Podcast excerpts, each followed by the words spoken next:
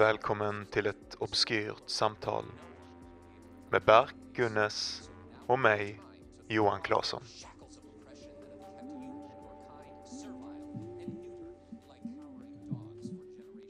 All right, välkommen till eh, ett obskyrt samtal. Hej. Hej, jag vet inte, det här kanske är femte avsnittet eller någonting. Jag har ingen koll. Jag har inte koll heller längre. Skönt. All right, men eh, i dagens avsnitt så pratar vi om, eh, pratar vi om hypokondri, Hypokondri. psykisk ohälsa, Precis. Min, ångest. min nära döden upplevelse Ja. från igår kväll. Så- lite grann om att jag är fucking lite deppig just nu. Men det, ja, jag något segment så sitter Johan och pratar om hur han stod naken och grät i fosterställning. ja, Eller stod naken och grät i det är nog, fosterställning. det, är- det är av, det, jo, det sa jag nog. Men det är avslutningen. Så att om det är någon som tycker det är spännande så kan de ju lyssna på det. All right. Eh, tack så mycket för att ni lyssnar och eh, återigen välkommen till ett obskyrt samtal.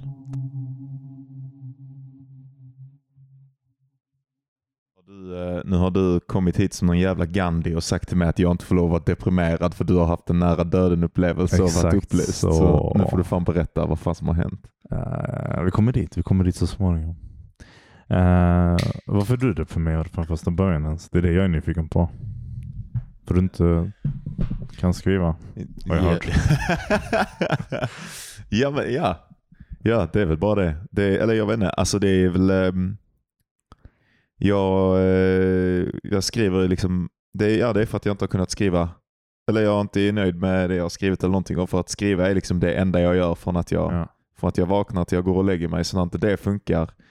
ehm, Så förlerar allting. Liksom. Ja men eftersom liksom just nu så träffar jag inte någon.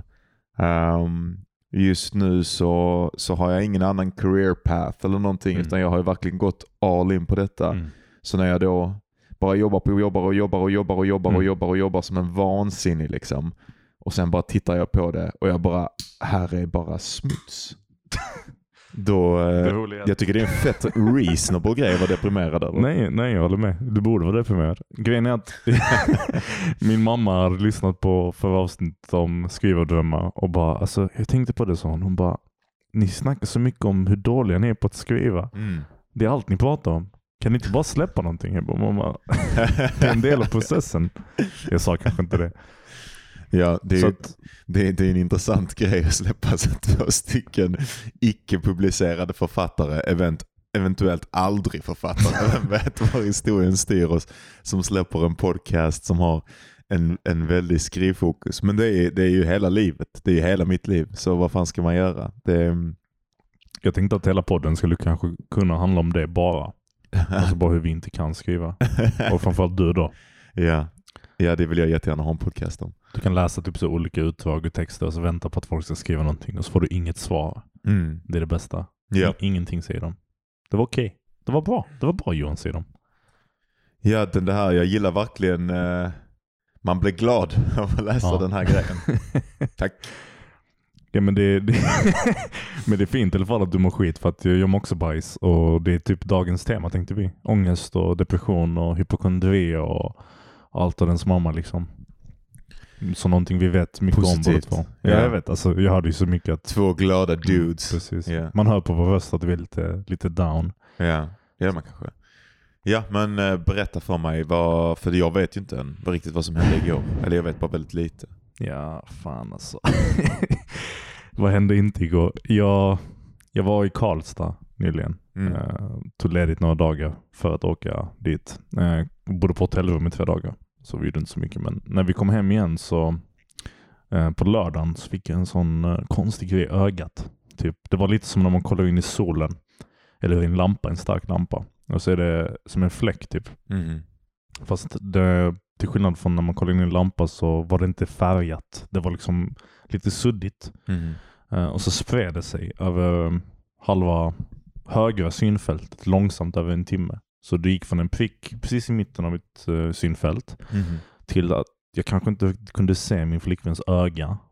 Till halva hennes ansikte var borta. Tills hela synfältet Oj. i periferin var liksom helt suddigt. Det sjuka är att du har haft sådana här grejer förut. Ja, alltså ja. det är Jag så har- jävla sjukt. Alltså, jag hade dött av hypokondri. Men jag var... Grejen är att min, min hypokondri brukar oftast vara i saker som inte är ett problem. Alltså, typ, jag brukar oftast hitta typ så här, någonting fel på min kropp som, som egentligen bara orsakar ingen skada, ingen skit. Det är Mm. bara en liten bula någonstans typ. Mm. Som känns lite konstigt typ. Och så tänker jag, men det här hade kunnat Så vara... detta kan du nästan tänka bort? Ja, att det är en sån liten prick? Du typ. bara, ja, det är något som. Exakt. På något sätt så var det lite som att jag, för det har hänt innan ju och mirakulöst nog så har jag inte bajsat på mig av det. Men, men grejen är det är komplext också för att samtidigt som jag vill, ehm, eh, som jag är orolig för de här sakerna så vill jag inte gå till sjukhuset med dem heller. För att går jag till sjukhuset så, så kan de bekräfta det. Vilket gör det mycket verkligare. Liksom, Ja, verkligen. Men hur som helst, vet, så jag, det här hände på lördagen och jag fick en fet jävla huvudvärk också. Mhm. Så jag tänkte, ja, men det här är migrän med aura, det måste det vara. Jag Mm. googlade det. Nej, men det är det. Det finns inget annat det kan vara. Men man vill inte gå vidare heller på 1177. Och vad är nu aura med migrän? Aura med migrän är ehm, i princip vissa människor som får migrän får ibland sådana här ehm, ibland visuella symptom eller kanske Mm. ansiktsförlamningar, eh, talproblem. Allting som verkar som en stroke. Fast Jag, jag brukar träffa en tjej innan som fick, vad fan heter det? Heter någonting speciellt när man får så här det heter någonting syndrom när typ så ena halvan av What? ansiktet bara så smälter ner typ, eller whatever. Alltså paralyseras. ja, ja. Det är riktigt, riktigt sjukt. helt ofarligt eller? Ja, helt ofarligt. Fan vad nice att höra. Mm. Alltså, det gör mig glad att det finns sådana sjuka saker som inte är så farliga. De bara, ja ibland smälter ditt ansikte, det är lugnt. Men ja, i alla fall så, så aura är liksom olika saker som oftast eh, sker innan man får en migränattack. Och ibland kan man få aura utan migrän. Vilket är det jag fått tidigare tror jag. Så hur som helst, det hände på lördag kväll. Så för att maximera ångesten så kollar jag på Contagion. Mitt under pandemin. Det är en sån film som handlar om en pandemi gjord 2011 Mm. eller 2009. Någonting sånt. Samtidigt som mitt öga tappar sin, sin fucking förmåga att se någonting. Tappar sin förmåga, whatever. Jag kan snacka, jag kan snacka svenska. Det är en del av symptomen säger vi. Eh, och sen uh, hände det igen på söndagen. Mm. Och sen hände det igen på måndagen. och då, då tänkte jag, nej det här är inte bra. så, jag, så jag ringde vårdcentralen ja. och, och, och de bara, ja men, ja men kom in nu. Jag bara, oj okej. Så de kallade på mig, jag gick till vårdcentralen. Eh, de bara en timme efter, väldigt sällan man får en tid en timme efter man har ringt vårdcentralen. Men de bara, men kom. Så kom jag dit, en liten söt läkarkvinna på typ 1,30 bara så, ja men, gjorde lite neurologiska test och sånt. Så bara, ja det, det låter lite som migrän med aura som du säger, men vi gör en CT-skalle ändå. Okej. Så gör massa blodprover hit och dit. Mm. Eh, inga andra neurologiska fel. Alltså det är väldigt liten chans att man ska ha en jävla hjärntumör om man bara har ett symptom. Man borde ju till tappa balansen och sånt tänker jag. Mm. Men fan vet. Jag har mimat mig själv till att jag har en hjärntumör hundra gånger. Aha, inte nu. gånger. Ja, ja, men det är klassiskt. Ja, alltså det är, ja. Men det är också baserat på vad? Typ så. Ja. Man är mest rädd för det. Ja. För att det, man bara jävlar nu börjar allting gå fel. Typ, man bara ska falla ihop och börja tappa en massa minnen och inte kunna göra connections. Så bara "Åh, du ska dö om tre veckor. Den, den tanken att, alltså typ, det är inte att dö av en hjärntumör som är läskigt för mig. Det är tanken att jag ska eh, opereras och de ska typ så här gr- gräva ut någonting fel. Vilket de måste göra för det är så djupt i min hjärna, förstår du? Att, att det slutar med att jag blir typ helt dum i huvudet. Jag typ tappar all förmåga. Ja. Och, bara, och så måste de torka saliv från min mun och rulla runt mig i en eh, fucking rullstol. Min flickvän lämnar mig. Jag är en börda för min familj. Du vet. Mm. Även om de älskar mig såklart, men vad fan. Och så ser du dig själv i spegeln någon gång när du rullar förbi en, en, något fönster eller någonting och så fattar du vad du är ett monster. Ja. Hur som helst. Ehm, så de säger då vi kommer ringa dig under dagen. Du kommer få en tid. Troligtvis i dagarna för det är inte akut. Och så ringer de en timme sen och säger eh, ja men du kan komma in 20 i sex. Så min flickvän jobbar ju på röntgenakut så hon bara, men ska jag följa med? Jag bara, nej jag vill inte. För att jag vill, delvis vill jag göra det själv men sen delvis vill jag inte att hennes vänner där ska veta att det är jag. Så jag går dit, äh, sätter mig på det här jävla stället. Det är typ tre personer där. Massa gamlingar och jag. De kallar in mig efter en halvtimme och säger ja men kom in, de gör en CT gärna. Skitsnabbt, 10 minuter max liksom. Kanske mindre. Och sen säger de om en stund kommer läkarna. Och så sätter jag mig där ute. Under tiden jag väntar där ute så ser jag hur röntgensjuksköterska efter röntgensjuksköterska kommer fram till varje patient som sitter ute Mm. och säger till dem så här. Eh, ja men det var ingenting, du kan gå hem. Det var ingenting, du kan gå hem. Ja, det är så bra ut, du kan gå hem. Så jag förväntar mig såklart att jag kommer få samma svar. Mm. Det, det gör var ingenting, du kan gå hem. Så jag sitter där och till börjar jag faktiskt lugna mig. Trots all den här hypokondrin och skiten som ligger bakom. Och så känner jag typ, ja men det här är inte så farligt. Det kommer inte vara någonting. Jag vet att det är ingenting. Och sen kommer röntgensjuksköterskan fram till mig och säger du kan, eh, du kan gå till akut medicin eh, nu. Oh my god, ja. Och jag bara, "Va? okej, va?" och så berättade hon var det ligger. Hon bara, ja du måste gå ut hit till höger, vänster, du måste ut här. Bla. Jag bara, förlåt kan du säga det en gång till? jag. Hon bara, ja du måste gå till akut eh, medicin nu. Eh, du får gå ut bakvägen. Hon upprepar sina instruktioner. Jag bara, okej, ta på min jacka, jag är skitskakig. Jag tänker bara, varför sa de inte det är ingenting? Det måste vara någonting. Vad annars skulle vara felet?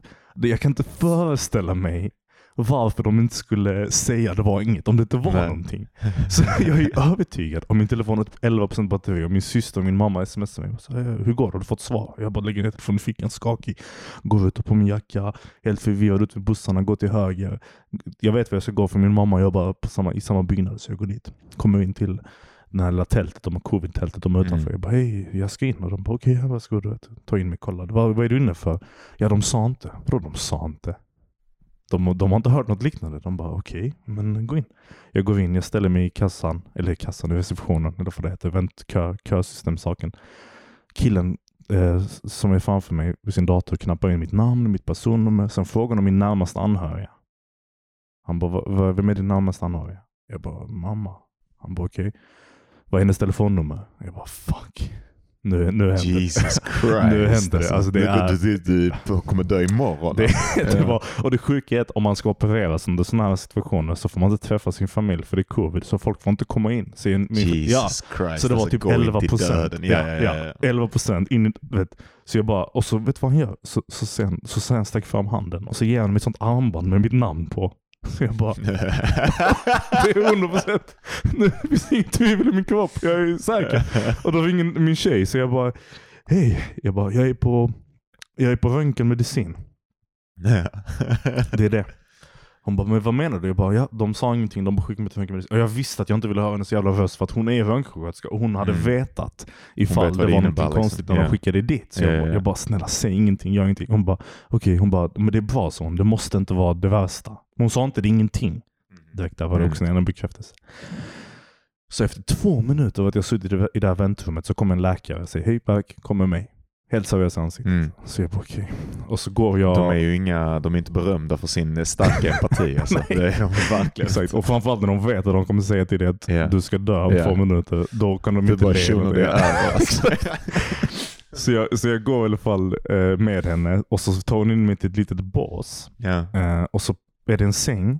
Och bredvid sängen så är det ett par alltså, så här sjukhuskläder. Liksom en Ja. hög med sjukhuskläder. Alltså som de har satt där till mig.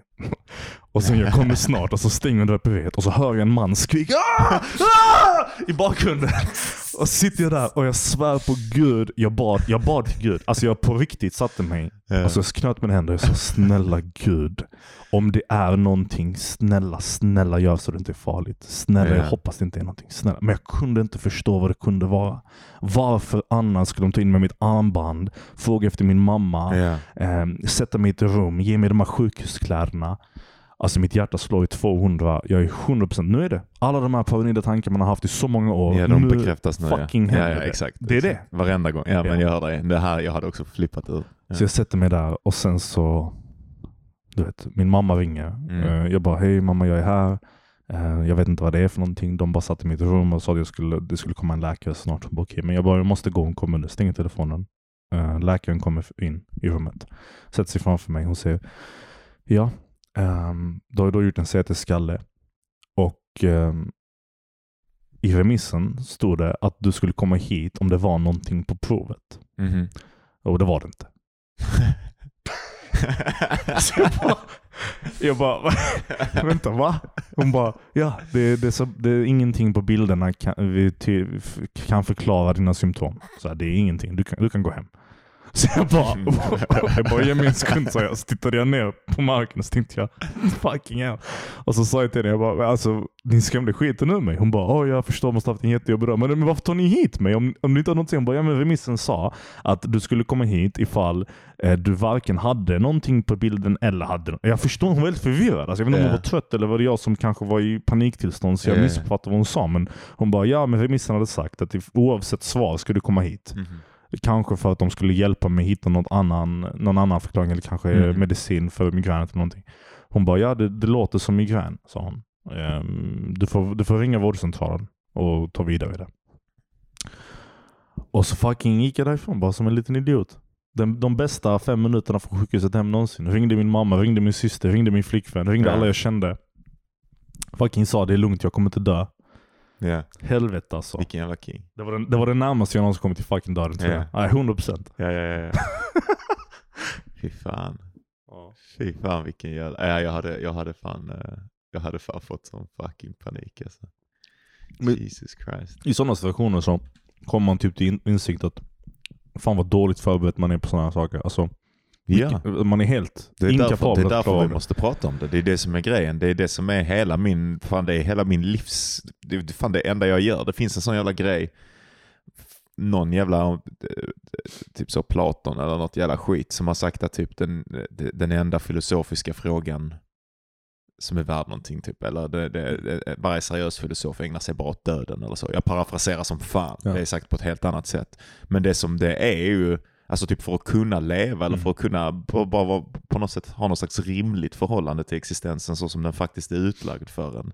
Så måste man ju ha en jävla närhet och bekvämlighet med döden liksom. Men, men ibland känns det bara som att även man intellektuellt förstår sig på det, som du säkerligen gör för du pratar så mycket om det och du skriver så mycket om det, så finns det ändå en emotionell komponent som Ja, är 100%, onåbar. Alltså jag, 100%. jag, är, jag, är in, jag är intellektuell, intellektuellt kan jag liksom förstå mig på det, men, men Ja. emotionellt, jag är ett spädbarn. Jag- alltså jag jag kommer har ju bajsa fått- på mig om Ja, jag ja. får reda på jag ska dö. Jag har fått hundra stycken sådana alltså panikångestattacker där jag är helt Mm. övertygad om att jag är precis i döende. Att jag antingen håller på att få en stroke Mm. eller en hjärtattack eller whatever the fuck. Och då försvinner ju allt. Mm. Alltså då försvinner ju allt preppet liksom. Eh, men ja, vad fan, det är ju, man, då är man ju i ett paniktillstånd. Ja, såklart. Men jag tänker på alla människor som har fått sit- sitta där och faktiskt få svaret att de är döende, eller de har en hjärntumör, eller de, de har någonting. Ja. Det, det vilken styrka. jag tror när det väl droppar ner att du hamnar i chock. Fuck. Alltså det är väl det, är det första liksom Ja, ja, här att man bara, man bara nej. ja. vad, vad innebär detta? Ja.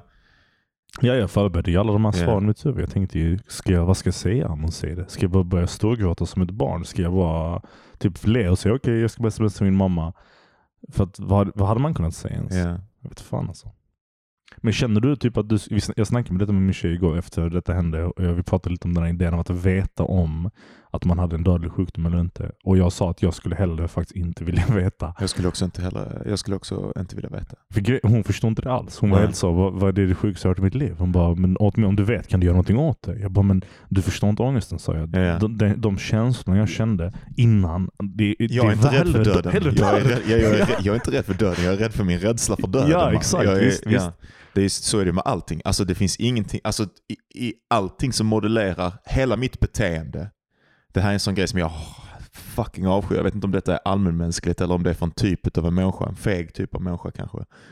Eh, hela mitt beteende kommer ur att försöka begränsa mina egna min egen ångest eller min, Mm, egen, min, mm. min egna så här, p- paniktillstånd Mm. eller eh, liksom självförakt som också är förankrat i ångest eller Mm. någonting sånt. Liksom. Att eh, även om jag gör modiga saker eller jag ger mig Mm. ut och jag har liksom rest jävligt mycket och gjort en jävla massa så här eh, bungee och, och skydiving och liksom, ja, varit i massa coola städer på massa coola fester och gjort Mm. sjuka grejer. Liksom.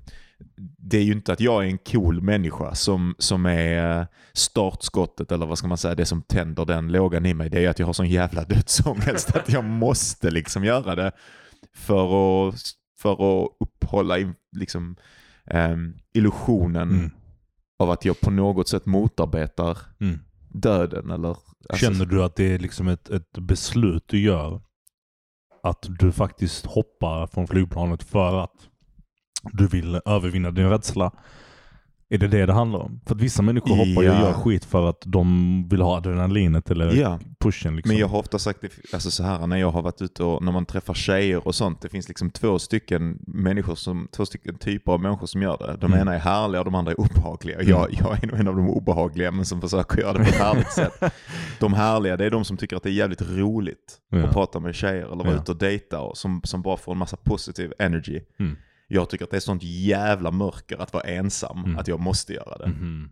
Eh, och, eh, ibland, det är klart det är roligt ibland ändå, liksom, eller oftast. Mm. Alltså jag, jag älskar det också, eller så här att dejta och, och träffa folk, sånt är skitkul. Liksom, och det är kul att ha partner och kul att vara nära någon. Men är jag ärlig med mig själv så är den djupaste anledningen alltid bara en, typ en slags rädsla för att dö ensam eller för att leva Det ett, för att le- inte ens att dö ensam, det är nästan att, att leva ett liv som inte uppfyller den berättelsen som livet ska vara. Okej. Alltså jag är skiträdd för att inte få familj till exempel, Ja. därför att det är en del av berättelsen så som Alltså ja, det är skitkonstigt för jag själv, innan jag tänkt mig själv som as-individualistisk Mm. och as, alltså att jag inte gör samma beslut som andra människor gör. Men det är verkligen de skräckarna jag har i mig och de sakerna som är liksom grunden till, till min olycka är alltid kopplade till det här att jag ska dö och att jag kommer misslyckas med att leva ett liv på det sättet som man ska leva sitt Ja, liv för, att, för att det ska räknas. Mm.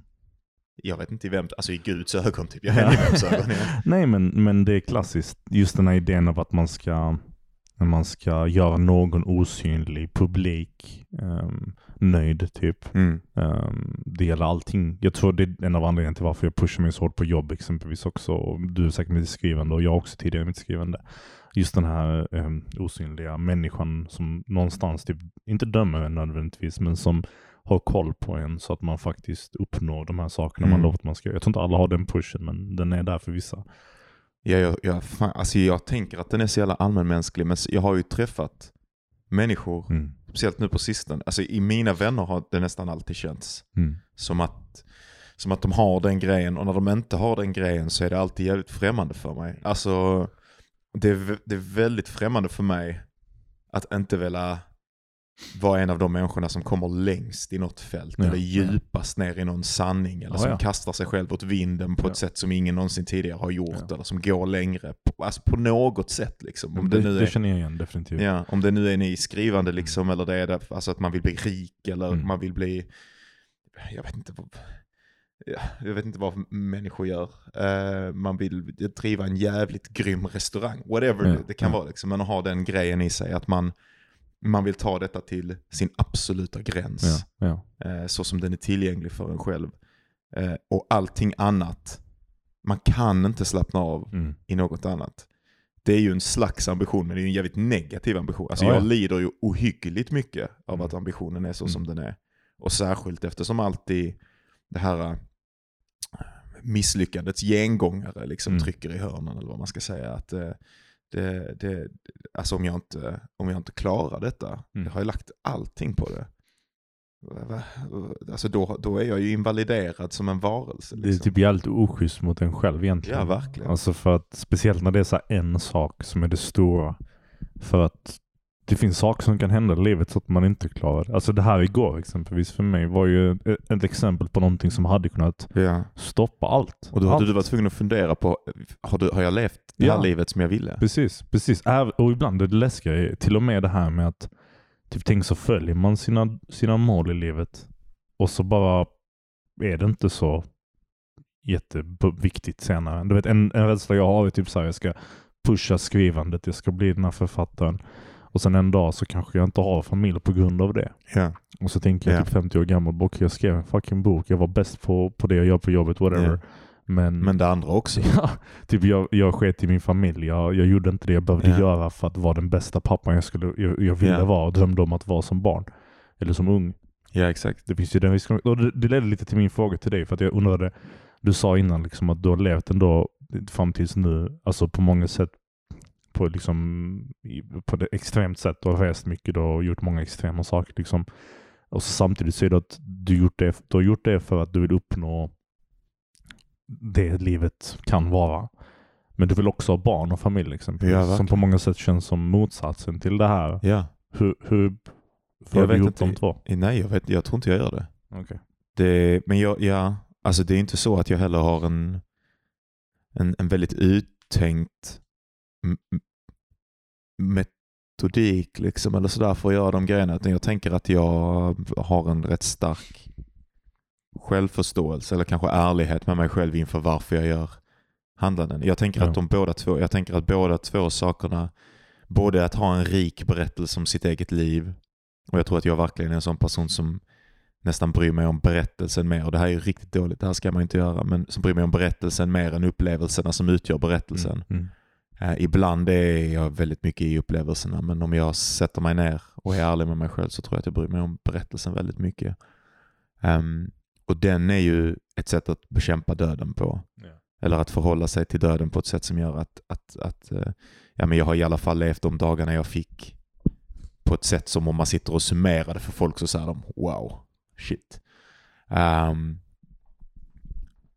och, och, och, och, och, och, sen, och sen det med familjen, det är väl också en väldigt tydlig, alltså det är väl det, är väl det vanligaste sättet folk bekämpar det, sin dödsångest. Det är på något sätt en, en inbyggd Mm. grej att, att, att det bekämpar, att att få familj är att göra sig själv lite odödlig i alla fall. Det är så kanske, men samtidigt så, så en del av min dödsångest, om jag också ska vara ärlig med mig själv, har mycket att göra med den här idén av, av hur mycket ens egen död, och det låter egoistiskt, men hur mycket ens egen död kan påverka ens familj.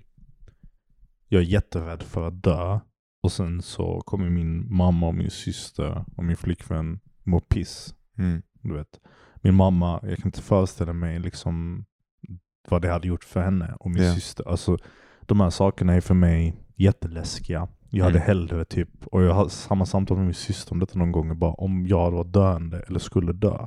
En av mina största önskan skulle vara att min familj inte mådde dåligt. Mm. Alltså verkligen att de bara typ mådde bra och typ kände, inte, alltså klart de kan vara ledsna men inte en stor sorg som att de gått sönder utan att de, kan, de är ledsna men sen så mår de bra. De vet att jag, det, det, det är min önskan var att min familj Ja. skulle, skulle, inte skulle förstöras. Liksom. Ja. Och då tänker jag att om man får barn och sånt, Mm. fan alltså, då ökar man ju bara sannolikheten för att man ska ha mer människor i ens liv som blir fucked om man dör. Mm. Och det för mig skrämmer mig med- när, när det gäller familj. Typ så.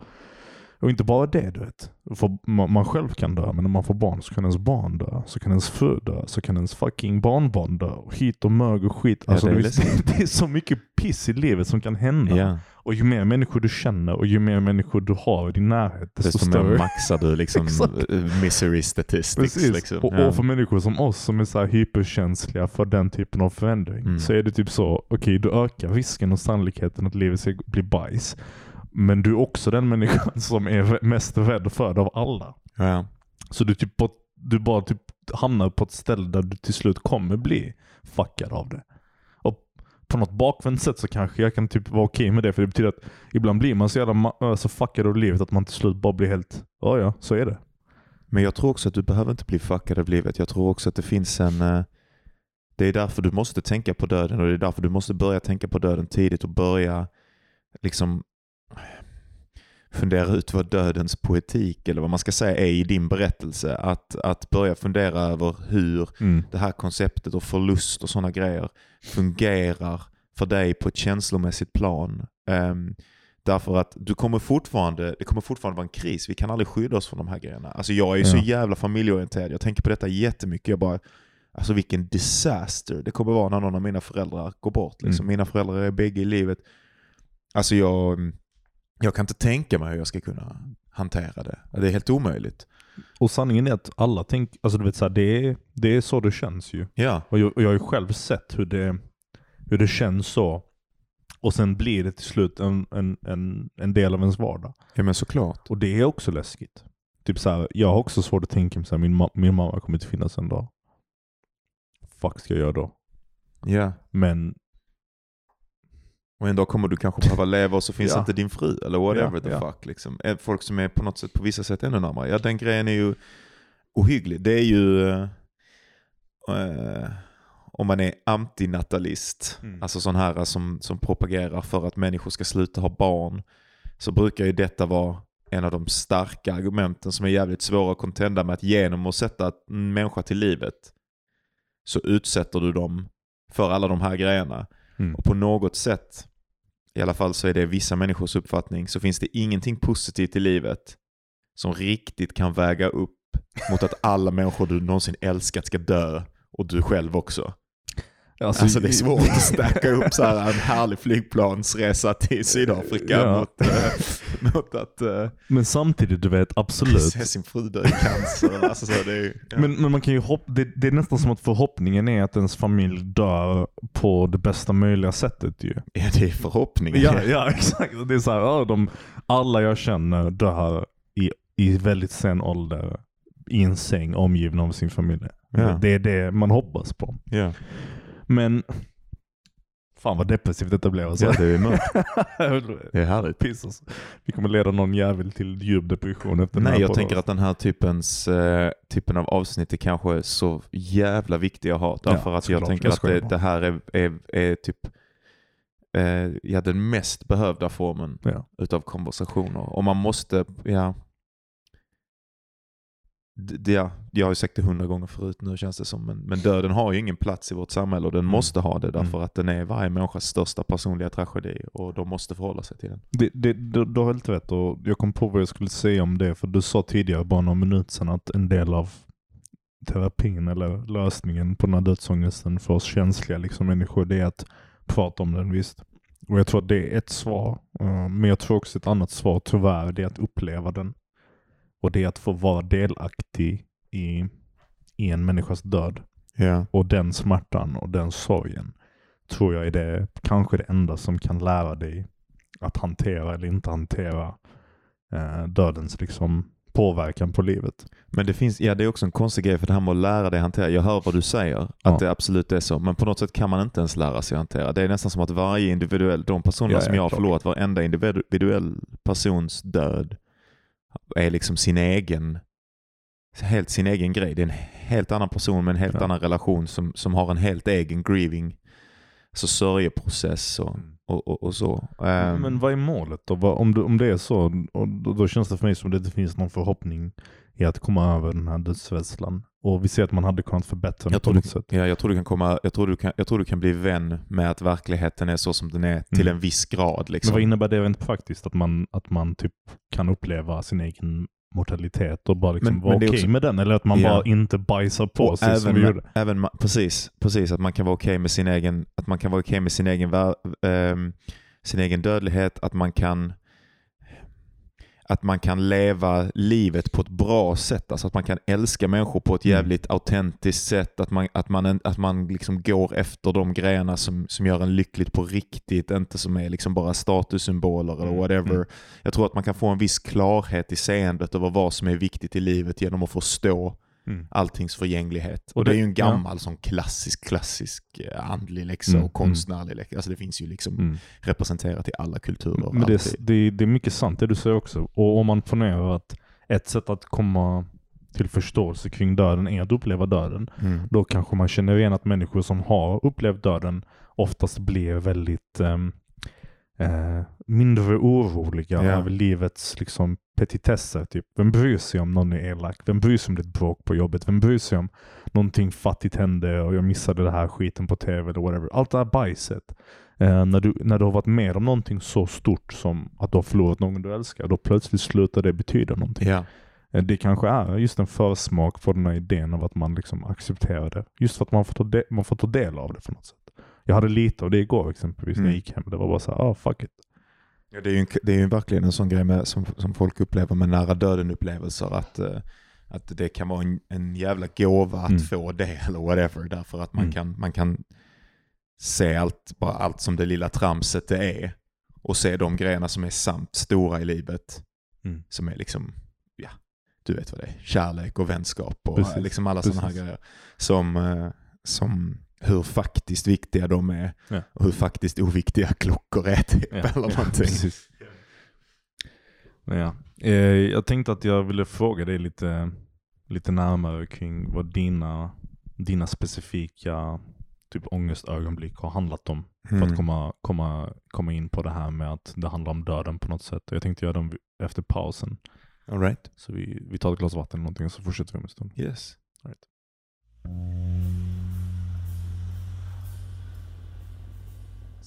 För, för det som vi är intresserade av det är någon sån här stor ångestattack som har varit Ja. fundamental i livet. Ja, Liksom. precis. Den som liksom definierade hela ens, um, hela ens framtida mående på något Där när vänster. hela världen avgränsades. Ja. Det, det, och det är intressant för att en av de här sakerna vi pratade om när vi var ute och gick den kvällen, det var just den här idén av att man ibland har sådana här ögonblick i livet där man totalt um, blir konfunderad eller um, översköljd liksom av idén av att man kan vara den här ångestvarelsen och detta nu är en del av ens liv för alltid typ. Just det. Och för mig så var det, alltså, jag, jag, var, jag hade den här turen, eller oturen kanske man ska säga, att jag var helt, eh, helt jävla normal um, tills jag blev liksom eh, eh, konfronterad av ett gäng killar. Eh, som, det var jättekonstigt för jag har hamnat i bråk tidigare. Mm. Jag var runt 15 år. Jag hade hamnat i bråk tidigare. Jag hade hamnat i typ nästan slagsmål. Jag bodde liksom i för- förorten så det var inte så ovanligt att man, man typ clashade med någon liksom. Mm. Inte så att jag var någon jävla gangster och slogs eller någonting, men du vet, man bråkade och puttade lite och så. Men just den dagen, det var någonting konstigt. Jag hade precis kommit hem från Turkiet. Uh, det hade, jag har väldigt mycket komplexa känslor till, till det landet och hur det känns att åka dit och sådana saker. Och jag hade känt väldigt mycket, jag kan inte säga ångest, men en, en sorg och ledsenhet och jag ville verkligen hem. Mm. Och jag kommer ihåg att jag väldigt specifikt tänkte eh, Turkiet representerar liksom på många sätt ett fängelse, ett psykiskt fängelse för mig. Och min största rädsla i livet är att komma hem till Sverige och känna samma sak. Och en månad efter det så jag går ut för att handla någonting i bensinmacken bredvid och så kommer det så här fem, sex snubbar fram till mig. Och bara hej vill du slåss säger de. Mm. Och jag bara, nej, jag vill inte slåss. Eh, och så går jag runt dem och så ser att de följer efter mig. Och så går jag in i bensinmacken och så handlar jag. Och så märker jag att jag är jätteskakig. Jag tänker, ja, men det är adrenalin liksom. Mm. Jag gör min grej, jag kommer upp igen till lägenheten. Ingenting händer, de går därifrån. Det blir någon, något litet tjafs mellan oss, men de sticker. Mm. Eh, och så märker jag att jag bara inte slutar skaka. Mm. Eh, det går inte bort liksom. Så okej, det går några timmar. Jag kommer att jag sitter i min systers rum och det bara fortsätter skaka och hjärtat är igång. Och jag förstår inte varför. Sen går det en dag, sen går det två dagar, sen går det tre dagar, sen går det fyra dagar och så bara fortsätter det. Mm. Och helt ärligt så bara slutar det aldrig. Mm. Bara Och sen har du bara varit nervös sen dess. Ja. det. Och det ledde ju till någon slags... Gillar du det begreppet? Gillar du nervös? Jag älskar det begreppet. Det är så gammalt sätt att prata om ångest, att man har ett nervöst sinnelag. Jag tycker det är så jävla, det är exakt vad man har. Att Ja. bara är så här Ja, ja. Fucking Ja. alltid som en främmande plats som man går in i för första gången där det alltid är en publik som man på något sätt måste förhålla sig till som kan göra jävla konstiga Ja, grejer och som man att vet stå inte de scen. ska liksom. göra. Ja, exakt. Ja, ja, absolut, absolut. Ja, ja, innan det hade jag inte den känslan. Så bara Mm. den känslan är min, var min nya tillvaro. Mitt nya jag var bara, var en del av liksom, det, det var det sämsta men whatever. Så, så det ledde i alla fall till, en, till vad som naturligtvis skulle kunna klassifieras som en depression. Ehm, du vet, jag fick så här riktigt klassiska depressionssymptom. Typ, eh, jag hade tunnelseende, mörkt kring Mm. alltså ögonen. Det var verkligen så mörkt runt. Och jag, det var Malmöfestivalen och för er som inte bor i Malmö så varje år i augusti så är det en sån här liten festival med god mat och sådana saker. Eh, där man kan åka karuseller och skit. Och jag gick dit, eh, Mm. som jag alltid gjorde när jag var yngre. Och så märkte jag att jag var skiträdd för alla. Alltså jag var rädd för varenda människa. Alltså livrädd. Jag tänkte den här människan är ute efter mig, den här Ja, människan ja. ska ta mig. Alltså sådana helt irrationella saker. Och så direkt efteråt så bara gick jag hem till min mamma och jag bara, jag har alltid haft en öppen tydlig relation med henne. Jag bara sa mamma, det, jag, jag, jag måste ha hjälp. Det är Mm. någonting konstigt på gång här. Det här har inte slutat efter två, tre veckor. Så vi kontaktade BUP och det, allting är så lite alltså, nytt och det känns inte så akut och allvarligt än. Det är bara en rädsla. Man antar att det kommer ta slut på något vänster.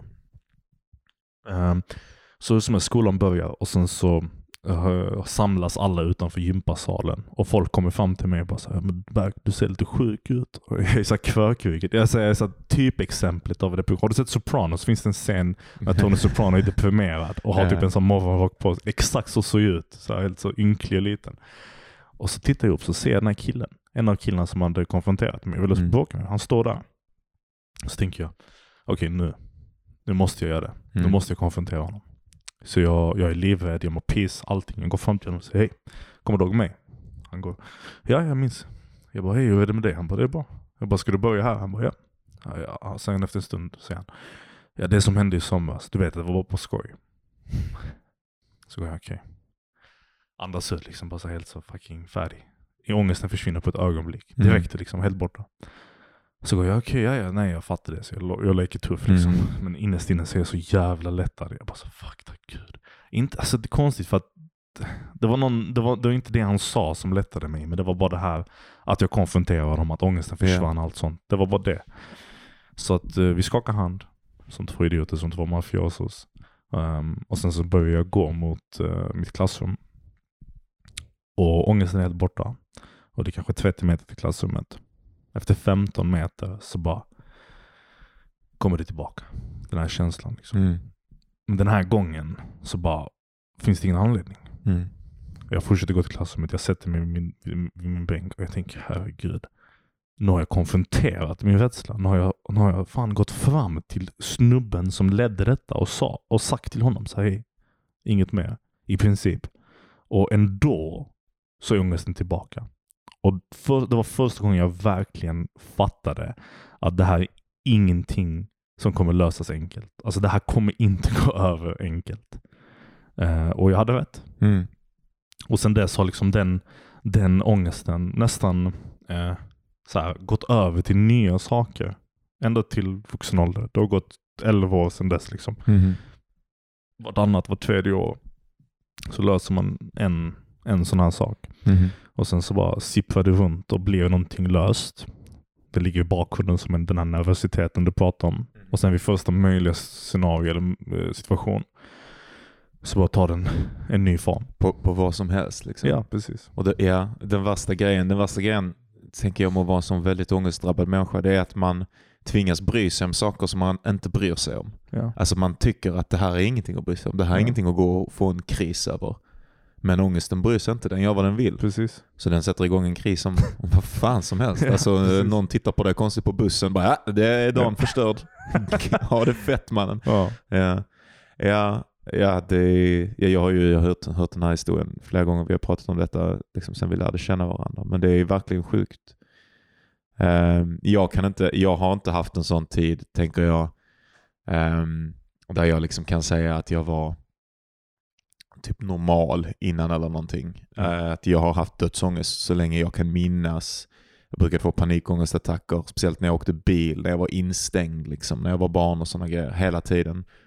Eh, och det tror jag jag har pratat om förut. Men, men jag vet, och jag fick även, alltså sen när det började komma in liksom, när det började komma in tjejer, jag har alltid haft en jävla ansträngd relation, eller inte en ansträngd relation, men, men tjejer har alltid haft en väldigt stor makt i mitt liv liksom. Och har kunnat påverka mig. Och jag har alltid varit, jag vet inte om jag är, jag är kanske inte dålig med, med alltså jag har liksom träffat många genom åren, men, men jag är fan lite klantig, oberäknelig och kan inte alltid, ja whatever. Jag är inte smooth i alla fall. I, I dina ögon kanske. ja, ja, jag är inte smooth i alla fall. Det går åt helvete mycket. Ehm, och, och jag är, de flesta tycker till slut att jag är, även om de gillar mig från början, att jag till slut blir för konstig eller whatever the fuck. Där finns alltid en sån dimension liksom. Svårt att tänka mig. men- Nej, jag, ja, men Du jag, det, men- ja, det, det, brukar, det brukar bli så. Men det, det kan ju vara vad fan som helst. Det kan ju också bara vara jag som är en tråkig jävel eller vad fan som helst. Men skitsamma. Eh, I alla fall när det började komma in, jag, jag, jag, det, det, det blev värre när jag började bli liksom, komma in i puberteten och sånt skit. När, när, när tjejer började bli involverat, då började det handla jävligt mycket min ångest om saker med min egen kropp och att jag tyckte jag var så jävla ful i tonåren och att jag, eh, att jag, var alltid, att jag var tjock och att jag alltid behövde kämpa med den grejen och så ljög jag svinmycket liksom och, och fastnade i mina egna lögner för att typ bygga upp mig själv och så gick jag alltid och hade ångest över att jag skulle bli påkommen och att alla skulle hata mig för att jag egentligen inte var vem jag utgav mig för att vara och sådär. Ehm, men sen den stora, min sån stora ångestattack som sen var, alltså den som jag fortfarande är rädd över, Mm. den hände väl kanske när jag var 18-19 och hade jag hade redan haft en ganska knepig period med, jag höll på lite grann med, med, med lite missbruk och hade kärrat ner mig i, i någon tjej och så hade jag inte, fick jag inte, blev det inte som jag ville så hoppade jag av skolan och flyttade upp till Göteborg och roddade lite åt, eller höll på lite med eh, ja, jag roddade inte så mycket, men jag var där uppe med ett, ett, ett, ett några polare som hade ett band. Mm. Ehm, och, eh, och eh, bodde där en period, sen så kom jag ner igen och sen så gick jag tillbaka till skolan.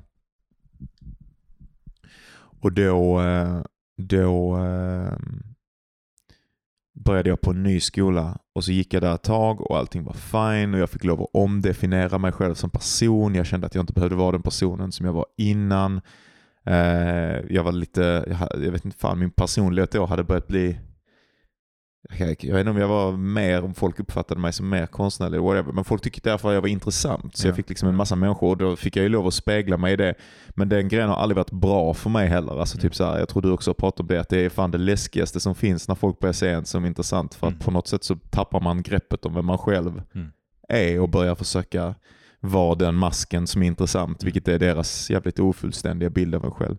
Jag vet inte, men jag, jag, jag, jag var där i alla fall och, och kände mig jävligt instabil. Men, men det var ändå okej och jag började träffa en tjej som jag tyckte jävligt mycket om i den som gick i, i samma klass som mig själv. Och, och det, det, det var liksom en period av relativ stabilitet efter att jag hade kaosat ut helt, hoppat av skolan och sådär för året tidigare. Eh, och sen en dag jag, så bara, jag kommer ihåg att jag gick längst ner en sån liten, jag bodde i Helsingborg vid, vid, vid tiden. och Jag gick ner för en sån liten trång gata som finns där, där det finns någon liksom så här gammal bio och så var det på den tiden något, någon sån här gallergrind eller någonting. Så gick jag och tittade i den och så var det som att jag bara tyckte att de här gallerna plötsligt bara alltså, dubblade sig. Eh, att jag nästan fick lite suddig vision men, men jag, jag fick känslan av att ehm, och det är skitintressant för att Kierkegaard har definierat ångest nästan precis så här. Han har, det finns en sån gammal Kierkegaard-definition att, att eh, typ, nu parafraserar jag också för det var så jävla länge sedan jag läste den, men att, att ångest är att se att det finns ett oändligt antal möjliga handlingar man skulle kunna göra utifrån den positionen man är nu, Mhm. men att man aldrig kan vända, välja rätt. Okej. Eh, och den känslan att någonting har gått fel Ja. Är ju fundamental, tänker jag, inbyggd i ångest. Att någonting är fel med världen. Oh, ja. Och jag fick definitivt den känslan av att världen någon gång hade splittrats. Det här låter riktigt psyksjukt och det är lite psyksjukt. och, men på något sätt i min, i min egna logik så är det inte Ja, riktigt så psyksjukt som det låter när jag berättar ut. Utan det blir också lite en berättelse när jag pratar om Mm. det. Men det kändes som att världen hade splittrats och att jag hade hamnat i en fåra som var fel. Mm. Det var någonting fel och att den rätta, jag hade den rätta så som världen skulle ha blivit, Ja. Hade gått mig förlorad. Var, det någonting, var det någonting du hade gjort fel? eller Ingenting var... utlösande. Det var skitkonstigt. Okej, det var okej. bara som... Jag bara, jag bara gick och jag bara... Fan, jag kommer ihåg jag ringde till min mamma och mamma, jag bara mamma jag vet inte vad jag ska göra. Det känns som att världen är alldeles för... för det, är, det, det är för mycket. Jag, jag, Mm. kan inte, jag kan inte göra rätt beslut. Det är för, det är för komplext. Hela saken är, är fucked liksom. Ehm, men i alla fall, jag gick och käkade. Det var typ lunch. Gick och käkade själv. Tryckte ner min ångest lite grann.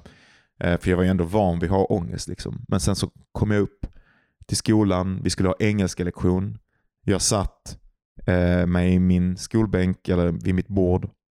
Det är liksom elever överallt och om man är sån inte psykonormativ så är man ju ofta jävligt, speciellt i tonåren, ändå besatt av idén att upprätthålla masken Ja. utav att vara psykonormativ. Man vill inte att folk ska säga att det är kaos omkring en och det kan skapa en ännu förvärrande grej. Så jag, jag, jag bara kände att det bara vibrerade in i hela mig. Det var bara en sån kaosartad mörk energi Mm, som höll ja. på att skulle slita sönder hela mitt skal. Liksom bara riva sönder min hud och få mig att kollapsa in i mig själv. Och, och, och, och, och jag kunde inte visa detta för om någon av de här människorna såg det då var min, då var min mask förstörd för evigt. Då hade jag förlorat den här att de såg mig som en, vad jag inbillade mig att de såg mig som. Mm. Eh, och engelska läraren hade något sån här långt för, liksom föredrag, introduktion, vi skulle göra någon gruppuppgift. Hon bara pratade och pratade och pratade för varje sekund som gick. Jag visste att det skulle ta slut. Hon hade sagt att vi snart skulle göra egna uppgifter. Men det bara pågick och pågick och pågick och jag bara fick mer och mer och mer panik. Liksom. Ja. Jag bara, fuck jag måste ut härifrån. Jag kan, jag, måste, kan inte sitta här. Jag kan inte sitta här bland alla dessa människorna. Jag måste, st- jag måste försvinna, jag måste sticka någonstans. Jag måste göra någonting. Det, det här går inte. Ehm, och så plötsligt så sa hon då att eh, ja, men nu ska vi göra den här uppgiften tillsammans. Kom fram och ta papper, organisera er i grupper typ. Och jag bara gick fram till henne och jag bara du, jag har en ångestattack som är så stor att jag vet inte vad jag själv ska Mm. göra men jag måste gå härifrån. Och hon bara ja men gå upp och sätt dig. Det fanns liksom någon sån här lärarrum Mm. eller whatever. Gå upp och sätt dig där Eh, bara, bara prata med dem så får du sitta och så bara se hur det känns. Liksom. Och jag var okej. Så jag gick upp till den våningen där det här lärarrummet var, och knackade på. Hej, jag har en jättestark ångestattack, jag måste sätta mig ner. Och så var det liksom ett sånt eget inglasat rum. Och jag öppnade den dörren, gick in, stängde dörren om mig och så fort jag stängde dörren, så fort jag var själv, så bara började jag skrikgråta. Liksom. Jag bara fullständigt exploderade på ett känslomässigt sätt som jag nästan aldrig har gjort i livet, varken innan eller efter. Och eh, Alltså det var... Det var bara någonting som kom över mig, någonting som var så jävla fel med hela grejen. Med hela att finnas till. Mm. Som, som jag alltid hade vetat men som, som plötsligt blev liksom elektrisk eller, eller, eller ja, fick någon, fick någon förstärkning, började sända ut någon slags signaler i mig. Uh, och jag bara skrek och skrek och skrek och skrek och grät och grät och grät. Och, grät och, grät. Eh, och sen till slut så fick jag då lämna skolan och så fick jag åka och träffa, för jag hade redan, jag var redan, jag fick redan typ konserta för min ADHD och, och sådär vid den tiden. Så, men då fick jag åka till min, min ehm, psykiatriker och så fick jag benzo utskrivet, vilket var det värsta som någonsin som hänt i mitt liv. Alltså. Och, och det fuckade ur. Sen fuckade det ur mitt liv helt. Det behöver jag inte, det kan vara för en annan grej. Men jag fick hamnade också i en svindjup depression som blev mycket värre av att jag käkade. Jag hoppas inte man skriver ut detta längre. Om det är någon som lyssnar som tar detta så ber jag till gud för er. Men Mirtazapin och Mianserin, sådana gamla typer av benzo som bara jag gick upp typ 30 kilo på en månad och jag sov 20 timmar om dygnet. Även när jag kom till skolan så låg jag bara och sov typ mm. i, i soffan inne på skolan och bara var helt väck. Mådde så fruktansvärt dåligt. Uh, tappade alla mina känslor, fuckade det med den tjejen som jag träffade då som jag liksom mm. tyckte om skitmycket. Som, där det, det, blev en hel, helt annan kaos. Hon blev tillsammans med en polare till mig. Var, uh, och sen, uh, ja, jag vet inte, det var, satte igång en liksom, år lång depression som är det värsta, mörkaste perioden tror jag i mitt liv. Mm. Och det är väl den grejen som vi då pratade om också, som jag tänker att, att en annan grej med att ha ångest Eh, och, och den här risken för depression eller risken för riktigt allvarlig ångest som sen kan leda till en depression, en sån attack, det är att har man väl upplevt det så är man ju rädd. Alltid. Särskilt eftersom precis som för dig, för mig, så var det ingenting riktigt logiskt Nej, som föranledde det. Utan en dag bara gjorde det sin ingång. Ja. Även om jag hade ångest tidigare, så den ja. ångesten som, som, som gjorde mig liksom paralyserad i ett år, precis den bara kom en dag. Ja, exakt. Den bara kom. Jag bara gick ner ja. från gatan och bara fick en känsla bara att ja. fuck it, allt har gått fel. Ja. Och sen var det kört. Ja. Det är definitivt det du säger. Alltså, det, det är det som är för mig den stora kärnan i nästan all skräck jag har känt. Det är nästan som att den här skakningen och du vet äh, ångesten, som nervositeten som aldrig försvann, typ på mm. något sätt hade med det att göra. För att jag blev så rädd av att jag skulle bli ännu mer rädd eller att den här känslan skulle komma tillbaka fast ännu värre.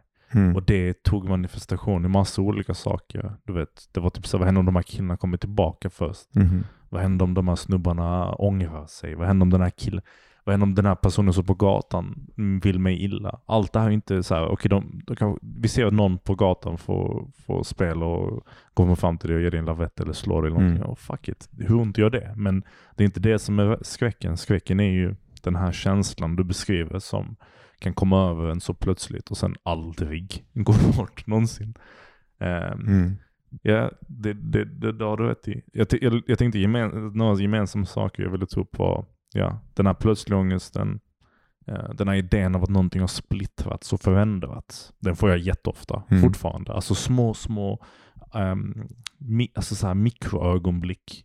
Jag går på medicin och antidepressiva. Mm. Och ibland när jag glömt dem eller så inte riktigt går på dem så får jag så här känslor. Alltså bara när jag är ute och går, precis som du beskrev. Där det bara känns som att någonting förödande har hänt eller kommer hända. Mm. Och den har ingen logisk utgångspunkt. Den är helt frånkopplad från rationalitet. Det är bara eh, en känsla av att världen är bara fucked. Mm. Och det är det läskigaste. Det är som jag ett stort hål i det. Ja, verkligen. Jag har tänkt på så jävla mycket För jag också för mig, så för mig kopplar det också ihop väldigt mycket. Det kan ibland vara rationellt men det kan också koppla ihop väldigt mycket till ånger. Och vissa av grejerna är typ ånger för saker som inte är, alltså för saker som jag inte bryr mig om, som inte är så viktiga. Men vissa saker är ånger efter jävligt dumma beslut som jag har tagit för där folk kunde ha blivit skadade eller sånt. Ja. Och ibland kan jag få en sån extrem känsla när en sån ångervåg kommer över mig. Att det finns en annan dimension där det har hänt. Ja. Och att det jag känner är liksom Alltså det fruktansvärda ångestskriket från den andra Mm. liksom separata dimensionen som bara blöder över Ja, in i mig. ja. Att om jag har hållit på att köra på någon eller någonting som jag har någon, någon sån grej. Eh, så kan jag känna att i någon dimension så har jag kört över den människan. Och att det skriket från mig själv bara hänger Ja. kvar Ja. över, över tider och över dimensioner. herre och bara, ja, och det, kan, det är liksom verkligen en sån schizoaffektiv Ja. syndrom, liksom, attack som kommer över mig när jag bara "Fan, ah." Ja, det här att det kunde ha hänt. Men vad är det då? Vad är det med att det kunde ha hänt? Ja, men det, är, Ja. det känns ju som att det har hänt. Det känns Ja. exakt som att det har hänt. Det är, det är en väldigt eh, Johan-typ av ångest att ha också, Ja. känner jag. Eh, jag har inte riktigt den på det sättet. Eh, speciellt inte kopplat till eh, känslan av ånger. Liksom. Det är mer typ eh, vad som hade kunnat hända mig. Eller eh, saker kopplade, som vi pratade om tidigare, till döden. Liksom. Mm. Men, men eh, just det här att ångra, för du har sagt det tidigare, du har snackat om mycket det här med att eh, ha typ någon slags eh, rädsla för att man har gjort bort sig. Ja, exempelvis. verkligen. Eh, vad, vad, är, vad handlar det är det? Typ, är det sammankopplat till samma typ av interdimensionella skrik? Eller? Alltså, så Ja, jag, jag vet inte. Alltså jag, vet, jag har väl mest haft den just för att jag har någon sån där, där jag har betett, gjort korkade grejer. Framförallt är det jag har två grejer där jag har gjort korkade grejer i trafiken. Liksom, som jag tänker på, Mm. där ingen blev skadad men någon verkligen kunde ha blivit det. Mm. Eh, och så kommer det ibland över mig. Och, och, och, och så. Och de är verkligen sjuka. Men sen andra, jag kan få lika sjuka, alltså jag kan få lika mycket ångest för sådana tillfällen där jag tycker att jag har gjort bort mig. Och de, det är ju störiga för mig för det är ofta många av de minnena, eller ärligt talat allihopa, är med personer som jag inte bryr mig om. Alltså typ det är aldrig så Mm. att jag tycker att jag har gjort bort mig inför en gammal partner eller inför någon av mina vänner eller någonting. För de, de tänker ändå att de, de fattar mig till någon grad i alla fall. Och kan se mänskligheten i mig. Men det är mer människor som jag, när jag tänker att de, jag tror att de kan upprätthålla, de som figurer i min fantasi Ja. upprätthåller någon slags mask. Genom att de har sett mig på Ja. ett ställe där jag har betett mig på det sättet. Så håller de, inte, inte, inte, inte ens de, utan bilderna utav de som jag har, håller en skev självbild, en slags skev projektion av mig själv kvar inom sig som jag lider väldigt mycket av Så- att de äger. Så typ dåliga delar av dig själv lever kvar genom ja, deras minnen, genom, typ. genom deras bild, ja exakt. Ja, det, bara- det är väldigt intressant sagt. För att, ehm, och jag tänkte fråga dig om du hade problem exempelvis med hur människor, hur du tror människor upplever dig. Oh my god, jag bryr folk, så många människor som jag känner Ja. tycker att jag är så jävla, och jag är ju på vissa sätt är jag ju obrydd. Jag kan ju vara jävligt gränslös liksom, eh, på ett sätt som an, andra människor inte kan. Och Många upplever ju att jag har stor social frihet och sådana jävla grejer. Mm. Men jag fan bryr mig så fruktansvärt mycket om vad folk tycker. Eller i, i vissa Ja, sammanhang. ja Och exakt. det, Jag förstår vad du menar. För det är inte så här, Ja. ja. jag bryr mig om folk tycker jag har snygga kläder kanske Nej. eller sånt. Utan det är mer Ibland, andra. men- ja, ja ja, okej fine. ja. Men det är alla på något jag vänster. Men. Ja. nej, ibland, du har ju själv berättat att du går Ja. runt med fucking... Asfulla kläder ja, ibland och bara tycker det är så Ja, jävla gött precis. och give no fucks. Och sen ibland är det skitviktigt för mig att ha skitsnygga kläder. Och så. Ja.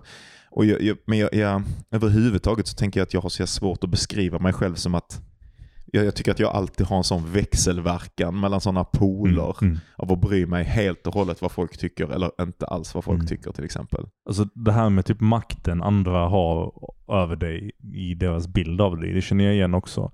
Eh, Men det är väldigt intressant sagt det där med att ha det i minnet. Mm. Förstår du? Jag har nog aldrig upplevt det, att någon som har upplevt mig tidigare kan liksom ha makt över mig. Men jag har definitivt upplevt det i typ sam sammanhang där jag exempel är på jobbet och jag Mm. tror, och jag får för mig att en person, en av mina kollegor tycker jag är dum i huvudet. Mm, mm, Och så blir jag dum i huvudet. Alltså jag, jag blir som en idiot. Jag, alltså jag ser bara mig själv från deras ögon. Alltså jag kan literally ibland typ se, se mig själv från deras ögon. mm.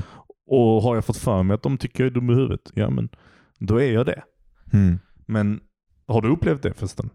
Bara nyfiken. Ja, vad fan. Hur mycket som helst på arbetsplatser. Jag har ju haft fan kriser, ja, jag vet inte hur mycket jag kan säga. Som, eh, men jag har haft kriser nyligen som har att göra med den här grejen. Ja, men jag kan ju bara typ, alltså en, en enklare kris som inte är så personligt laddad och Ja. rör folk som jag känner nu är ju typ att jag har haft det i hundparken. Har jag ju pratat om. Typ just så det, här, just just det. Att det är några hundägare som bara, alltså jag har en hund, min lilla hund heter Belse. Eh, och jag, där finns vissa hundägare som jag tycker alltid går förbi Ja. när jag är där inne med Belse. Och, jag, och så får jag en sån känsla bara, vi gillar de inte och Belse eller? Och sen så alltså, kan jag bli konspiratorisk. Jag bara, fan, eller jag tycker typ att vissa, vissa hundägare som jag förr har varit jävligt Ja. glada att se mig, inte Ja. lika glada längre. Jag De bara, har lite konstigt leende, de Har de- hälsar lite snabbt på har dig. de kommit på mig? Vad fan vet de om mig nu? Har de snackat med andra hundägare och bestämt Ja. tillsammans att de inte gillar mig eller att de inte gillar min hund? Ja, fy fan. Vad säger du till mig? och, och, det värsta är och det kan bli viktigt. Alltså, Börjar du agera, an, börjar du bete Ja, dig jag lite annorlunda? Ja. Eller jag börjar, jag börjar jaga deras alltså. approval Det det- och då ja, tycker de visst. att jag är konstig och så blir det en sån Exakt, reinforcing. exakt. Det. 100 procent. Det är klart att det är så.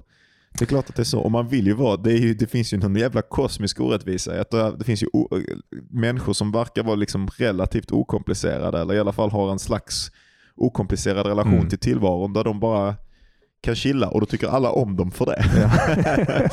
och det är, alla vill ju vara den personen. Man vill ju Ja. bara vara simple kind of man. En liten uh, Leonard Skinner-variant där. Men alltså man vill ju bara vara, eh, ja. Det hade ju varit jävligt gött att bara vara lite enkel, rätt fram. eh, Kanske. Ha känslor som fanns inuti en som också speglade sig på utsidan. Kanske, men samtidigt, raka rör samtidigt är det också nice att inte vara det. Därför att den, den, alltså vad ska man säga, den kunskapen och vetskapen om vårt eget psyke som vi har skapat och fått, fått genom alla åren kommer ju från vår upplevelse av, av vårt må skit. Visst, men jag försöker ju bara, det, anledningen att jag har den jävla ins, eller har den typen av självinsikter som jag har är ju för att jag försöker lösa den här skiten. Ja, ja, för att ja, jag bara vill bli som vissa härliga bartenders Oh, som ja. jag känner som är helt enkla. Liksom. Ja, ja, ja, men, men vill man, alltså på ett sätt vill man typ ha någon balans i det tror jag. Alltså jag tror mitt mål är inte att bli den enkla bartendern, men, eh, men eh, på något sätt liksom eh, vara typ, ha vetskapen av allt jag har, men inte må piss helt enkelt. Jag vet inte. Och, jag vill komma tillbaka till en sak vi pratade om tidigare. Just, just konsekvenserna av att um, vara med om någonting så plötsligt som vi var. Delvis så pratade vi om att det, det ledde till att vi har den här eviga skräcken. Mm. Visst att man alltid är rädd att, När som helst kan det gå fel. precis, den här känslan kan Och- återkomma. Och därför måste man också i varje situation, jag, ska, jag vet att du vill Ja. komma någonstans, jag ska bara säga det snabbt. Det gör att man måste hedga sina bets. Ja. Man kan bara handla på vissa sätt därför att man vet att varje handlande har en eventuell katastrofal konsekvens Ja. till sig. Så till exempel så blir det ännu mer att ska jag gå och prata med den här tjejen Mm. eller ska jag eh, vara trevlig mot den här personen som kanske inte är trevlig tillbaka Mm. eller whatever. Därför att det som bara är en liten skitgrej eller en liten skithandling om det inte slår ut på det sättet man vill Mm. kan ha liksom katastrofala, Mm. helt irrationella konsekvenser i ens egen... Det kan bara skicka iväg en i en spiral som kan ta en precis var som helst. Absolut, absolut. Så, och det känner jag igen i hur du har berättat om, om, om dina liksom, upplevelser i livet och så. För mig är det, är det mindre mm, kopplat till människor Mm. och mer kopplat till situationer. Exempelvis eh, min upplevelse av, eh, av sjukhuset igår. Det hade mycket väl kunnat leda till... Sätta igång något. Ja, alltså det är inte mirakel att det inte gjorde och det kanske till och med, det här är en dag efteråt. Vem vet vad som händer imorgon? Det är, så, det är sjukt intressant därför att jag tänker att eh, eh, som skrivande så är du mycket mer fokuserad på personer och jag mycket mer fokuserad på rum. Mm. Fast rum Ja. påverkar mig mindre och Ja. personer påverkar dig mindre kanske. Det, det kanske ligger i, i just hur vi vill undersöka det. Ja, Alltså, jag vill undersöka människor kanske för att jag inte riktigt har den, eh, den eh, skräcken eller den rädslan kopplad till dem. Och du kanske jag, jag har väldigt låg rums... Alltså alla säger det, folk tycker att det är så jävla roligt att jag inte lägger märke till saker i rum. Alltså Mm. jag har väldigt låg... Men då, Ja. då är du grym på att, det är också sjukt, ja det är intressant, för du är jävligt grym på att förklara rum och Ja, beskriva absolut. rum. Men du, du, jag, och jag, jag är extremt rumsmedveten. Alltså jag är läskigt rumsmedveten. Jag, mitt lokalsinne är typ alltså obehagligt bra. Du tror också ditt lokalsinne är bra men det suger. Mitt lokalsinne är fucking. Kolla Snälla, bror, varenda kan-. Nej, Nej, snälla nej. kolla han nu. Kolla Snälla, han. nej, jag kommer inte acceptera det här. Jag har, hört, jag, jag har sett dig i Malmö, du är helt så "Åh, var ligger du någonstans? Ja men för jag har inte, jag är fucking inte uppväxt i Malmö Ja, jag kan komma till en ny stad och Bror, hitta vad okej, som helst här, Jag direkt. kanske inte har lika bra lokalsinne som dig. Jag vet inte om detta stämmer men jag har fan mycket bättre lokalsinne än nästan alla andra jag har Ja, träffat. nej, men inte lika bra som mig det, det är det som är poängen. Men tillbaka. Kolla den här alfahanen slänger sin röda babianröv i facet på mig. Poängen är i alla fall att ja, det, det är en väldigt snygg observation att eh, den rumsmedvetna kan inte beskriva rum och den rumsomedvetna, rumsomedvetna, konstig betoning, kan Mm. mycket, var ju väldigt duktig på det. Eh, nej, men det jag ville komma till från början med den här stora händelsen och hur den har chockat oss i livet ut. Liksom. Mm. Det är att eh, på något sätt så hade jag också turen att eh, jag mådde relativt bra innan upplevelsen. Ehm, och så plötsligt mådde jag bajs. Mm. Alltså på en dag liksom. Mhm. Det gav mig möjligheten eller förmågan att väldigt, väldigt tydligt komma ihåg hur eh, verkligheten såg ut innan det Mm. hände. Och hur verkligheten såg ut efteråt. Jättetydligt. Liksom. Jag, jag, kommer ihåg, jag har väldigt tydliga minnen av mig själv när jag gick till BUP exempelvis med min syster. För jag vågade inte gå ut i ett helt år. Jag gick inte ut själv. Och de gångerna jag samlade mod att göra det så gick jag med min syster eller min kompis Mm. eller något sånt. Och då pratade jag med henne om hur, fan jag sa till henne, jag bara, jag kommer ihåg hur bara två månader sedan så var blommorna, träden, hela liksom hemmets orientation annorlunda. Alltså, eh, hur ska jag förklara detta? Har du någonsin flyttat exempelvis? Ja. Då vet du att när man flyttar till ett nytt ställe så det som den känslan man åker buss första gången eller bil första gången till sin nya lägenhet. Eh, då känns det som man åker bort från sitt hem till något nytt ställe. Och Det är Mm. som att området man åker till är typ till vänster och hemmet till höger, säger vi. Vi hittar på. Men ju mer du bor på den här platsen, långsamt, långsamt så skiftar liksom din uppfattning av staden. Jättelångsamt. Så rymd, ro- liksom. Ja, Ja, den roterar literally. Liksom. Och så är det som att nu när du åker hem till ditt förra hem ja. så åker du till en annan riktning än du åkte när du från Ja, första ja. början åkte hit. Därför att du, åker, du på något sätt är punkten som allting utsträcker sig från, ditt hem. Precis, precis. Och Det var som att den upplevelsen hände fast med min emotionella eh, bild av det området jag bodde i och hela Malmö stad. Liksom. Allting var annorlunda. Allting hade skiftat Mm. på typ en dag. Mm. Alltså Det gick från att vara helt normalt till upp och ner. Nu är allting fel. Precis. Och Jag tror jag bara kunde göra det för att jag hade haft den här väldigt snabba upplevelsen. Mm. Och likt dig så kände jag också, jag kommer inte acceptera detta. Jag hade Mm. jättestarka känslor av att okej, det här är större än jag trodde efter jag gick till klassrummet. Liksom. Och jag Mm. förstår att den ångesten är för alltid. Liksom. Men jag kommer absolut inte leva med den. Jag vägrar. Mm. Och då börjar det här sökandet. Efter förklaringar, efter modeller, efter eh, vad, hur funkar psyket? Hur funkar må, måendet? Hur funkar allt vi har det här? ganska olika vi har ganska olika ingångar. Du är väldigt intresserad av psykologi. Ja. som patologiskt eller vad man säger. Alltså patologisk, eller vad fan säger man? Alltså ehm, klinisk psykologi Mhm. typ eller sådär.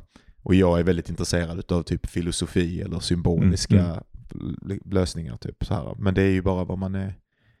eh, I slutändan så känns det ofta när vi pratar om det som att de är ganska lika ja, varandra. absolut. bara det att man måste hitta övergångsorden. Typ. Precis. Ibland är de bara, alltså, det, det, bara för att ta ett exempel ur det här samtalet, så när du pratar om det här mm, att världen hade splittrats eller någonting Mm. hade gått fel och att du kunde känna att ångern av kanske vissa saker du gjort tidigare eh, tar sig igenom de här dimensionerna. Liksom. Mm. Det är en metafysisk förklaring som du inte kanske 100% tror Mm. på, men eller kanske du gör, men en del av dig liksom identifierar dig eller söker sig till den beskrivningen för att förklara eh, med ord hur du känner. Medan jag, Ja, din hade förklarat bild, liksom. ja, en Ja. bild. Liksom. Jag hade förklarat det på nog ett mycket mer kliniskt sätt Mm. liksom, än det. Men jag tror vi pratar om samma sak i Ja. slutändan.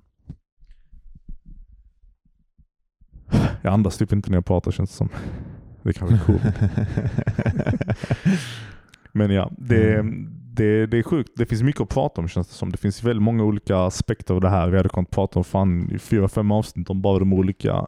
Fan, Eh, ångest är fan mitt liv. Liksom. ja. Det, är fan, alltså, det definierar ju allting. Det är ju Mm. anledningen till mitt arbete, det är anledningen till att jag lever mitt liv. Ja, jag sa ju det innan. Liksom. Det är det som styr det är en, jag gör ju en slags matematiskt beräknande eller någonting. Alltså nästan så här klassiskt, du vet, eh, eh, så här egyptiskt eh, staplar stenar Ja, i olika rutor Ja. för att liksom räkna hur ska jag agera nu Ehm, för att minimera chansen för att få ångest. Ska jag gå ut Ja. och liksom, om jag går ut och festar så kanske jag träffar någon tjej. Det liksom upphöjer mig. Jag kanske har en jävla cool kväll med grabbarna. Det upphöjer mig. Jag kanske får känna mig cool och social. Det upphöjer mig.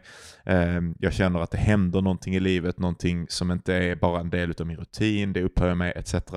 Men också jag kommer bli bakfull. Det sänker mig. Då kommer jag inte jobba. Det Mm. sänker mig. Jag kommer kanske göra bort mig inför någon tjej. Det sänker Mm. mig. Jag kanske kommer känna att de andra grabbarna i gänget tycker om någon mer Ja. än mig eller någon annan tjej tycker om någon av mina vänner mer än mig eller någon annan människa bara tycker inte att jag är så jävla cool som jag vill att de ska se mig eller whatever the fuck liksom. Och jag antar att alla de här ekvationerna liksom är så, du är så van vid dem att de Mm. sker jätteautomatiskt Ja, inom dig. Alltså ja. det är en del av din...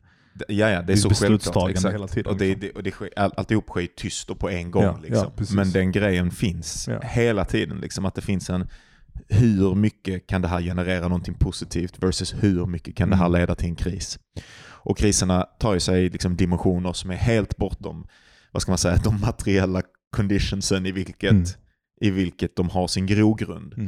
Ehm, alltså saker som hade varit tramsiga för andra som andra människor skulle tycka är tramsiga blir katastrofala för Ja. mig. Ja. Och tar, tar verkligen sig ofta metafysiska, alltså det blir, det förstärker någonting i berättelsen om mig som, jaha, nu är du din jävel, nu fick du se, här visade du igen världen, vem du egentligen är. Nu föll masken av. Ehm, och den, den, ja, den grejen finns ju alltid. ja. Eh, Det låter som ett bra avslut tycker jag. Ja, ska vi, ska vi, ska vi klippa det där? Jag vet inte, det var bara ett, ett utlämnande idag, Ja, en ja, sån precis. confessional. Jag hoppas på att det är roligt för någon annan än för oss, men jag tänker att det, det finns ett, eh, jag, när jag har fan fått ut skitmycket från andra poddar Mm. när, och, och, och böcker och sånt där folk är hyperpersonliga liksom. Ja, ja.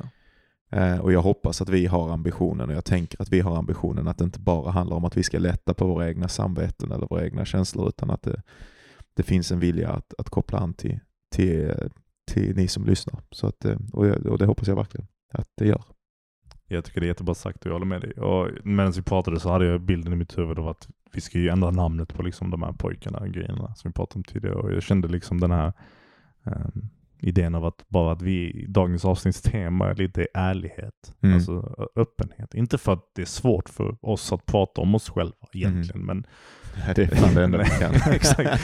Men det är bara, det är ju det det är. Det är ett utelämnande som väldigt många har svårt att prata om. Och du vet, varför, jag frågar mig ibland, någon frågade mig så här, varför är psykisk ohälsa typ tabubelagt? Jag förstår inte Mm. hur. Alltså på vilket sätt? Och jag sa, för det, de menar typ att det är inte som att vi lever i fucking 1800-talet där alla pratar om psykisk ohälsa. Mm. Men det är just, jag tror man förstår inte till vilken nivå folk inte pratar om det. Alltså det är öppet och ser jag mår piss. Ingen kommer tycka att du är konstig. Men det finns så många människor som har sådana sjuka jävla saker för sig som du och jag har.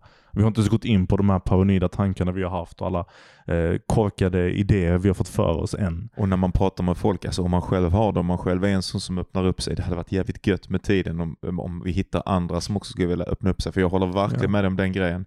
Att, att det att säga att jag mår ångest och piss och jag är ledsen hela tiden, det, det är en level. Ja, Men alltså psykisk ohälsa tar sig verkligen mörka, absolut. vridna, konstiga, sjuka, bortom filmiska dimensioner ibland som är helt störda.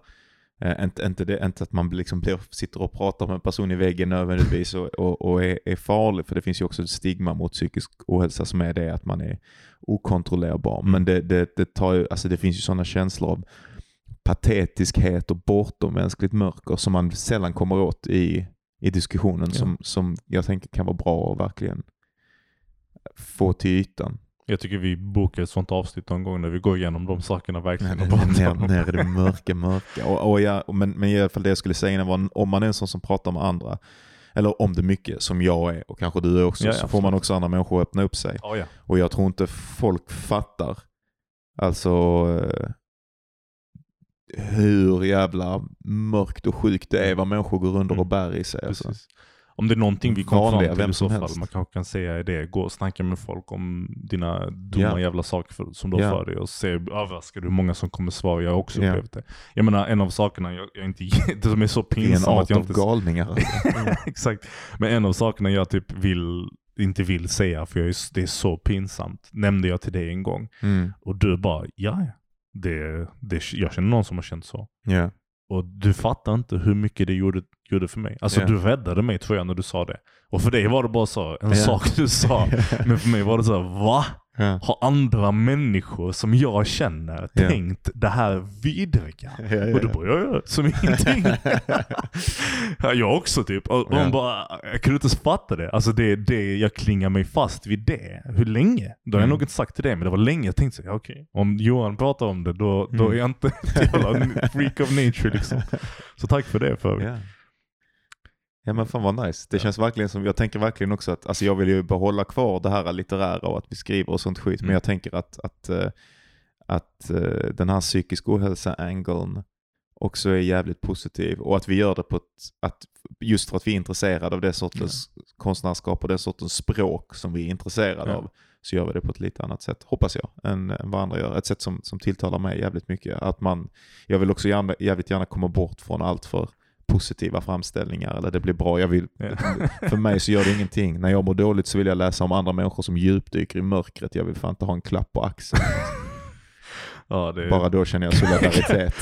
Kanske inte alla känner så men Jag tror jag gillar alltså, cynikern när jag mår piss, fattar du? Ja. Alltså, jag, jag, när jag mådde som sämst i den här 15-16 års åldern när jag var rädd att gå ut och allt sånt, så brukade jag sitta på, på skoltoaletten och lyssna på Bill Hicks. Ja. Ehm, och han är ju inte kanske den mörkaste av alla Mm. människor i världen, men han hade ändå en relativ, relativt cynisk um, cyniskt perspektiv på livet liksom. Och det räddade också mig på många sätt. Mm. Bara att höra honom vara helt så obrydd Ja. om saker som, som var allvarliga. Ja. Det är fan riktigt skönt när man mår bajs. Ja, alltså jag hade ju med, när mitt förra förhållande tog slut, jag verkligen var i ett sånt CP-mörker och jag var så jävla överviktig och jag bara fucking stod hemma i kalsongerna och grät i en halv babyställning liksom, och allting var bara jävla piss.